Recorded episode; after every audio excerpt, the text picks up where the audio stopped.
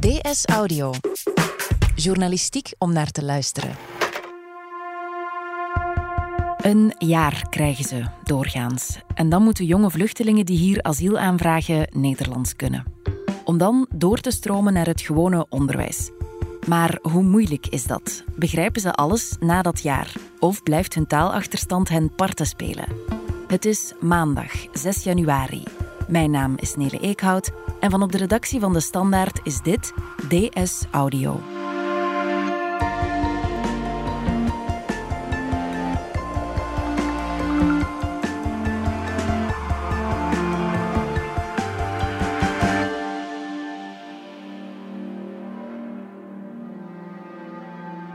Haben wir es geschafft? Vijf jaar na de grootste vluchtelingenstroom sinds de Tweede Wereldoorlog is dat een belangrijke vraag.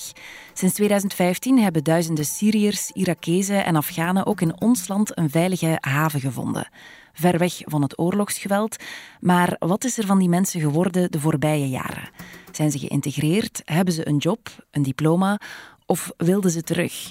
Daarover ga ik praten met binnenlandredacteur Yves de Lepelaire. Want hij tekende de voorbije maanden veel verhalen en getuigenissen van vluchtelingen op. Zoals van deze man. Uh, ik ben Zia Safari, ik ben 20 jaar oud, uh, afkomstig vanuit Afghanistan. Uh, en sinds 2015 december woon ik hier in België. Yves de Lepelaire. We horen Zia Safari. Wie is hij? Zia Safari is een jonge Afghaan, 20 jaar en kwam eind 2015 uh, naar ons land. Hij was toen ongeveer 15, 16 jaar. Hij is ook helemaal alleen gekomen, zonder ouders. Uh, in die tijd uh, kwamen er op de hoogtepunt van de vluchtelingencrisis in 2015 30.000 vluchtelingen naar ons land. En ongeveer 1 op de 10 was minderjarig en is hier zonder ouders gekomen, om dat even in perspectief te zetten.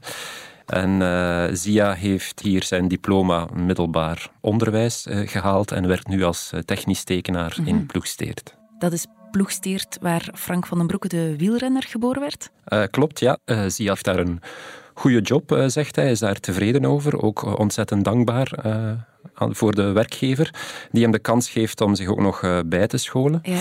Maar hij had wel een andere droom, die heeft hij niet kunnen waarmaken. Welke droom had hij dan? Hij wilde heel graag informaticus uh, worden. Hij is ook aan die studies begonnen aan de KULAK, aan de universiteit, in september. In september van 2019 uh, eh, was ik gestart met uh, bachelor informatica aan KULAK. Maar daar is hij mee gestopt. Hij heeft zelfs de examens voor het eerste semester niet meegedaan. Hij heeft er nogthans heel hard zijn best voor gedaan, heel hard voor gewerkt, want hij wou het wel ontzettend graag. Toen ik naar huis was en toen op uh, op mijn appartementje hier. Hier bleef ik ook iedere avond tot om tien uur, elf uur avond te studeren. Maar uiteindelijk bleek het voor uh, Zia toch onhaalbaar. Een beetje pech voor mij dat ik niet kon doen, omdat heel heb ik bij gemerkt dat het te moeilijk ging zijn voor mij. Mijn achterstand. Voor mij was heel, heel, heel moeilijk. Ja, ondanks zijn harde werk heeft hij het niet gehaald. Zelf zegt hij omdat hij een achterstand had. Wat bedoelt hij daar concreet mee? Hij had een heel grote achterstand in uh, wiskunde. In het hm. middelbaar uh, had hij te weinig wiskunde gekregen, maar twee uur per week. Ja. En om informatica te kunnen studeren aan de universiteit uh, voelde hij toch wel de noodzaak om zes tot acht uur wiskunde te hebben gehad. En hoe komt het dat hij dan niet meer wiskunde heeft kunnen doen in het middelbaar? Omdat hij in het middelbaar niet de opleiding heeft uh, kunnen volgen die hij eigenlijk wilde volgen. Hij had een uh, technische opleiding gevolgd in het TSO elektriciteit. Daar heeft hij ook voor moeten knokken om, om die richting te mogen volgen. Dat was helemaal niet zo vanzelfsprekend, heeft hij mij verteld. Um, en het is jammer als je naar zijn achtergrond kijkt. Hij heeft in Pakistan lange tijd gewoond en uh, hij vertelt mij dat hij daar wel een zeer goede leerling was. Ja, eigenlijk toen in, uh, in Pakistan was, hij, uh, daar studeerde ik ISO. Hij sprak ook vijf talen voor hij hier aankwam, onder meer Pashto, Dari en Engels ook al. Mhm. En het eerste wat hij moest doen toen hij hier aankwam was een zesde taal leren, Nederlands. Dat uh, geldt zo voor alle jonge vluchtelingen en anderstalige nieuwkomers die hier aankomen, die krijgen eerst een uh, jaar de tijd om Nederlands uh, te leren in het uh, onthaalonderwijs voor anderstalige nieuwkomers, het zogenaamde OCAN-onderwijs, voor ze eigenlijk doorstromen naar een richting in het gewone onderwijs. Ja. In 2015, december, ben ik hier in België aangekomen. januari 2016 ben ik gestart bij de school en dat was de eerste opleiding Nederlandse taal en ook in Okan. In het Okan-jaar eh, krijgen de anderstalige nieuwkomers dus heel intensief Nederlands tot 20 eh, uur eh, per week. En dan daarna stromen ze door naar het uh, reguliere onderwijs. De meeste nieuwkomers doen daar in principe een jaar over, sommigen zelfs anderhalf jaar, afhankelijk van het moment wanneer ze in België aankomen. Maar Zia was blijkbaar een heel goede leerling, een talenknobbel, iemand met veel talenten. En die was er al in juni klaar mee, dus die heeft in amper vier, vijf maanden tijd ja. de Nederlandse taal geleerd. Alles verliep goed. Uh, ondertussen heb ik ook uh, snappe stages gedaan uh, in, in twee richtingen, BSO en TSO. Die stages die heeft hij gedaan toen hij nog Nederlands leerde. Veel nieuwkomers die krijgen de kans om op het einde van zo'n OCAN-jaar snuffelstages te volgen in het gewone onderwijs, om eigenlijk te proeven van de richting die ze zouden willen volgen, om ook te ontdekken van zou ik die richting aankunnen. Ja. En Zia heeft dus zo'n stage gedaan, zowel in het TSO als in het BSO. En hij vertelde mij van, goh, die stage in het BSO, die lessen vond ik eigenlijk veel te gemakkelijk. De beslissing van de leerkrachten waren dat ik naar BSO had moeten gaan. Maar daar ben ik een beetje koppig geweest. Ik wilde dat niet doen. Ik wilde naar, naar TSO-richting gaan.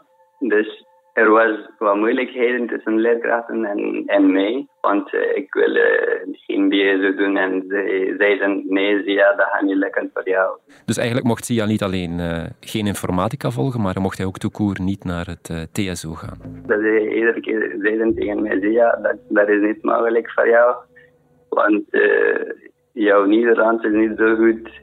Bellen kunnen zelf niet studeren. Ze blijven zitten ieder jaar dat heel moeilijk uh, zijn voor jou.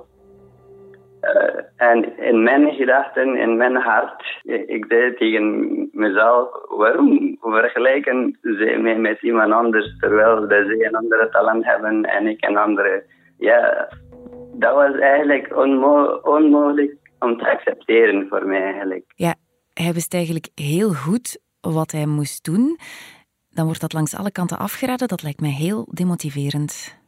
Ja, dat had een heel demotiverend effect uh, op hem. Uh, dat bleef ook niet zonder gevolgen. Hij is vrij snel afgehaakt in het uh, eh, BSO en is uit protest ook niet naar school gegaan. Ja. Een soort van, ik deed een beetje moeilijk om naar de school te gaan, maar dat was niet mijn ding. En, en dat interesseert me ook niet zoveel, want iedere ochtend bleef ik slapen, niet zo met enthousiast naar de school gaan. Dus achter twee weken kwam mijn vocht. Hij zei waarom dat ik niet naar school ging. En ik heb uh, tegen hem gezegd, ze willen mij niet uh, om naar mijn eigen richting te gaan. Wat dat ik gekozen heb, wat dat ik wil. Ze willen dat mij niet eigenlijk. Uh, en dan heeft hij op school gegaan en daar gesproken met die bepaalde personen. Uh, zij hebben me uiteindelijk uh, eh, 25 dagen de kans gegeven om te kunnen bewijzen dat ik die zo aan kan. Dat ik dat kan studeren of dat het niet moeilijk is voor mij.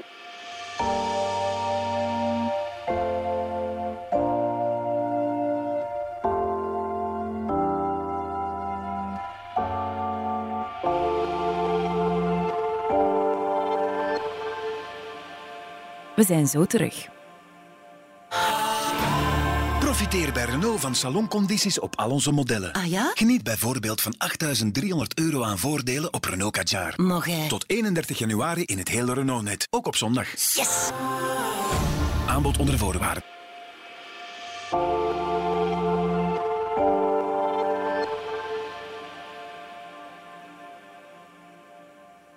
Ja, Yves, Zia mag na heel veel aandringen dus proberen te bewijzen dat hij TSO aan kan. Ja, hij heeft 20, eh, 25 dagen de tijd gekregen om zich eh, in het TSO eh, te bewijzen. En hoe loopt dat af voor hem? Dat is goed voor hem afgelopen. Hij heeft heel hard gestudeerd. Heeft mij verteld dat hij echt geen tv keek, niet op PlayStation speelde, omdat hij er alles aan wou doen om in het TSO les te kunnen volgen. En op het einde van die maand, denk ik, heeft de klasraad of klastitularis hem geëvalueerd en positief geëvalueerd. Dus binnen die 25 dagen heb ik kunnen uh, bewijzen dat ik dat wel aan kan. na 25 dagen werd ik uh, toegelaten om naar TSO uh, stap te zetten en gaan studeren. Hij mag dus blijven. Ja, hij krijgt uiteindelijk uh, zijn zin. Hij mag in de TSO beginnen. Hij doet dat ook uh, uitstekend, haalt uh, zeer goede resultaten, hoort bij de beste van de klas. Hij zal uiteindelijk ook zonder veel problemen zijn vierde, vijfde en zesde middelbaar in de TSO doorlopen. Mm -hmm. Maar hij zit nog altijd niet in de richting die je eigenlijk had willen doen, namelijk informatica. Hij zat nog altijd in de richting elektriciteit, waar hij ook is begonnen in het BSO. Uh, ik was een beetje blij, maar toch niet zo, zoveel blij. Maar iedere dag heb ik uh, goede punten behaald. Iedere dag mm, met die ja, uh, goede resultaten. Dus ja, ik toonde naar, aan de leerkrachten. Zij, zij apprecieerden mij ook. Dankjewel aan de leerkrachten die mij heel erg geapprecieerd hebben, die mij geholpen hebben dat was ook niet zo gemakkelijk dat, dat ik moest zo zeggen, ja, dat was gemakkelijk. Ik heb dat zelf gedaan. Nee, alle mensen hebben wel uh, geholpen. Alle mensen hebben geholpen, zegt hij, en daar is hij dankbaar voor. Maar dat maakt het ook wel wat dubbel, natuurlijk. Absoluut. Zia is eh, zeker eh, tevreden over de begeleiding die hij heeft gekregen van individuele leerkrachten, van de directeurs die hem wel hebben gesteund, die wel zijn talenten hebben gezien. Maar hij voelt zich natuurlijk wel uh, ja, een, beetje tekort gedaan. Hij, hij, heeft de indruk dat hij niet voldoende is gestimuleerd en dat zijn talenten toch wel zijn onderschat, waardoor het systeem, het onderwijs voor hem een uh, verkeerde, verkeerde richting heeft gekozen. Waardoor hij ook niet het onderste uit de kan heeft kunnen halen. Eigenlijk, uh, ik, zou, ik zou niet zeggen dat ze die stimuleren. Ik zou zeggen dat zij, uh, dat zij onderschatten die, die talenten die mensen hebben eigenlijk. Het is door die onderschatting dat hij dan ook die achterstand in wiskunde heeft opgelopen in het middelbaar, waardoor hij zijn droom aan de universiteit niet heeft eh, kunnen waarmaken. Hij vertelde mij daarover van kijk, als ik toch maar de kans had gekregen in het middelbaar om informatica te studeren, dan, dan had ik achteraf van niets spijt hoeven te hebben. En mhm. nu heb ik wel spijt en nu zal ik nooit weten of ik het had aangekund of niet. En nu is het een beetje te laat om dat nog uh, recht te zetten. Dus gingen zij mij toegelaten hebben in het middelbaar, dan was die achterstand wat minder. Dan kon ik wel uh, een beetje moeite gedaan hebben uh, om die richting aan te kunnen. Ja, er zijn sinds 2015 heel veel uh, jongeren zoals Zia in België aangekomen. Minderjarige jongeren die hier zijn beginnen studeren. Hebben zij gelijkaardige verhalen? Uh, ik heb natuurlijk niet met alle minderjarigen kunnen hmm. praten. Ik heb wel met, uh, ja, toch wel met een pak nieuwkomers gepraat, ook in, in het kader van andere reportages. En je hoort toch wel vaak hetzelfde terugkomen dat is dat die jongeren die hier aankomen in België, in Vlaanderen, in ons onderwijssysteem natuurlijk sterk afhankelijk zijn van de beslissingen die wij in hun plaats nemen, hmm. de toekomst die wij in hun plaats eigenlijk bepalen. Zij kennen ons onderwijssysteem ook niet zo goed, zijn niet op de hoogte van de keuzes die er zijn. Vaak krijgen zij ook niet zoveel keuze. Ik heb verhalen gehoord van jongeren die dofies naar één bepaalde school worden doorgestuurd, waar ze eigenlijk maar keuze uit vier richtingen hebben en geen van de vier interesseert hen.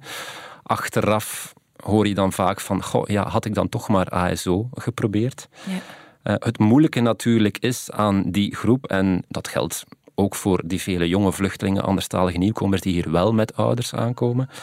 Uh, het moeilijke is dat wij eigenlijk in één jaar tijd voor die jongeren heel veel bepalen, de rest van hun toekomst. Omdat we ze één jaar de tijd geven om Nederlands te leren, en dan bepalen op basis van, vooral op basis van hun niveau van Nederlands, wat zullen zij in het middelbaar aankunnen. Ja. En het is door die taalachterstand dat we misschien wel hun echte talenten eh, onderschatten en we ze naar een richting duwen waar ze niet helemaal op een plaats zitten. Mhm. En de gevolgen van die beslissingen die kunnen voor de jongeren wel heel vergaand zijn. Mhm. Als jullie een foute beslissing maken, dan, dan is het heel toekomst van een persoon verkeerd. Dus die nieuwkomers, zij kunnen enkel maar hun beste doen, hun moeite doen. En zij kunnen gewoon zeggen dat ik wil dat studeren. Die richting is mijn richting. Dit ding is mijn ding. En eigenlijk die verantwoordelijke voor dat beslissing, zij mogen een beetje opletten. Want uh, op dat moment beslissen zij eigenlijk de toekomst van een persoon. Ja. voor hen is misschien een beslissing dat ja, die persoon mag naar die richting gaan. En dat is. Maar voor, voor de jongen of voor die meisje die, die een toekomst gaan hebben met die richting, dat is, dat is zijn toekomst. Als zij een verkeerde beslissing nemen, dat betekent dat die persoon gaat een verkeerde toekomst hebben. Een verkeerde toekomst hebben, um, dat moet voelen alsof je het verkeerde leven leeft. Ja, zeker. In het, uh, ja, het geval van Zia, hij hoopt nu op een uh, erkansing. Hij probeert nu toch via avondschool toch nog zijn uh, bachelor informatica te halen. Als dat mij, als dat mij lukt, dan ben ik heel gelukkig. dus hopelijk, er zijn veel goede mensen in dit wereld die gaan terug een beetje helpen. dus nog eens aanraden aan de mensen die een beetje verkeerde beslissing nemen, alsjeblieft gewoon proberen luisteren naar de mensen wat ze willen doen.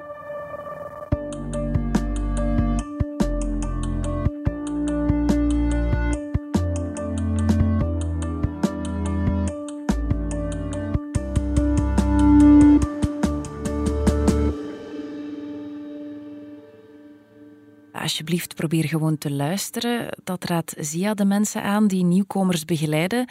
Maar is het zo simpel? is het gewoon een kwestie van beter luisteren. Het is in elk geval een begin. Ik denk dat er zeker wel iets moet veranderen, want onderzoek heeft al aangetoond dat er, dat er problemen zijn. Uh, dat veel van die anderstalige nieuwkomers een problematische schoolloopbaan doorlopen. En dat heeft te maken met de keuzes, verkeerde keuzes die we voor hen maken, met een moeilijke overgang tussen het totaalonderwijs, Nederlands, en het middelbare onderwijs. Onderzoek van nog maar twee jaar geleden heeft aangetoond uh, dat die anderstalige nieuwkomers uh, buitenproportioneel vaak in het BSO terechtkomen, uh, heel weinig in het ASO terechtkomen. Als ze in het BSO zitten, is het ook heel vaak in die klassieke richtingen zorg, bouw mm. enzovoort. Um, dat hoeft niet problematisch te zijn, want veel van de jongeren die willen ook een stiel leren, omdat ze zo snel mogelijk geld willen verdienen.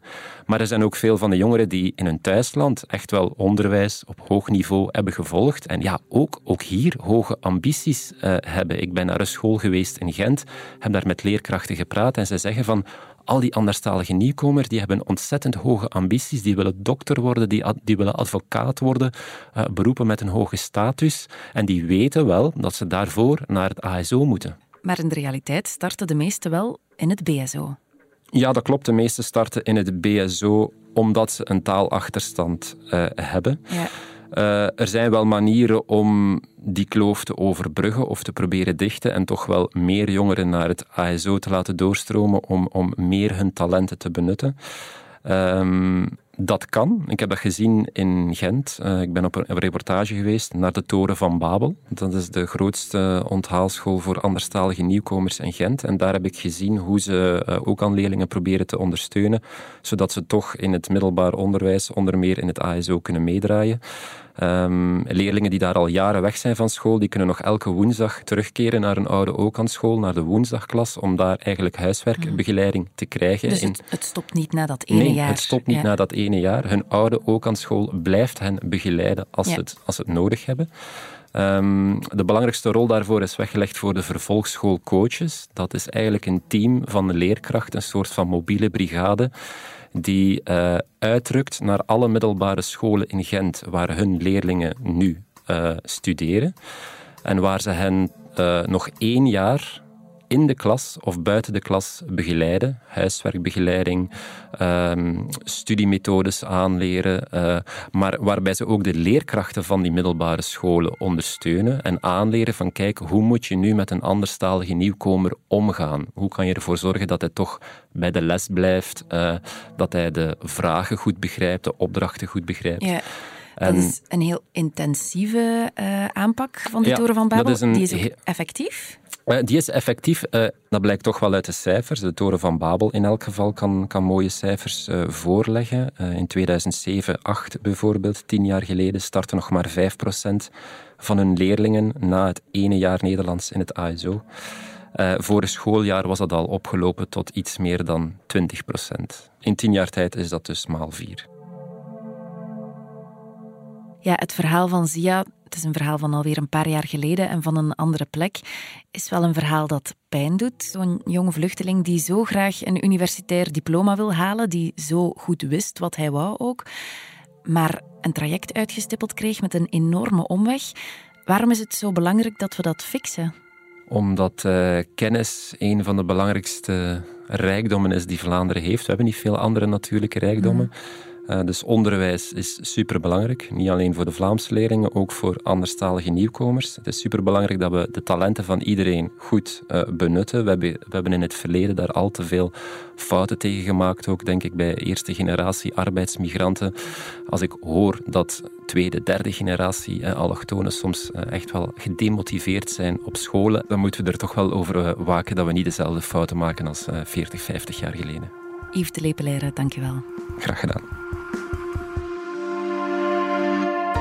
Dit was DS Audio. Wil je reageren? Dat kan via dsaudio.standaard.be. In deze aflevering hoorde je Yves de Lepelaire en mezelf Nele Eekhout. De redactie en eindredactie gebeurde door Wouter van Driessen. Jeremy Vettorel en Pieter Schrevens deden de audioproductie. Brecht Plasgaard schreef de muziek die je hoorde in deze podcast. Chef audio is Wouter van Driessen. Vond je deze podcast interessant? Weet dan dat je er elke werkdag één kunt beluisteren. Dat kan via de DS Nieuws app of via standaard.be-audio. Je kunt je ook abonneren via iTunes, Spotify of de podcast app van je keuze. En als je daar dan toch bent, schrijf gerust een review. Zo toon je ook anderen de weg. En we vertellen met de standaard natuurlijk niet enkel in onze podcasts over wat er in de wereld gebeurt. We doen dat ook in de krant en online. Benieuwd naar een abonnement? Ga dan zeker eens kijken op standaard.be-voordelig. Daar ontdek je ons aanbod en onze promoties. Morgen zijn we er opnieuw.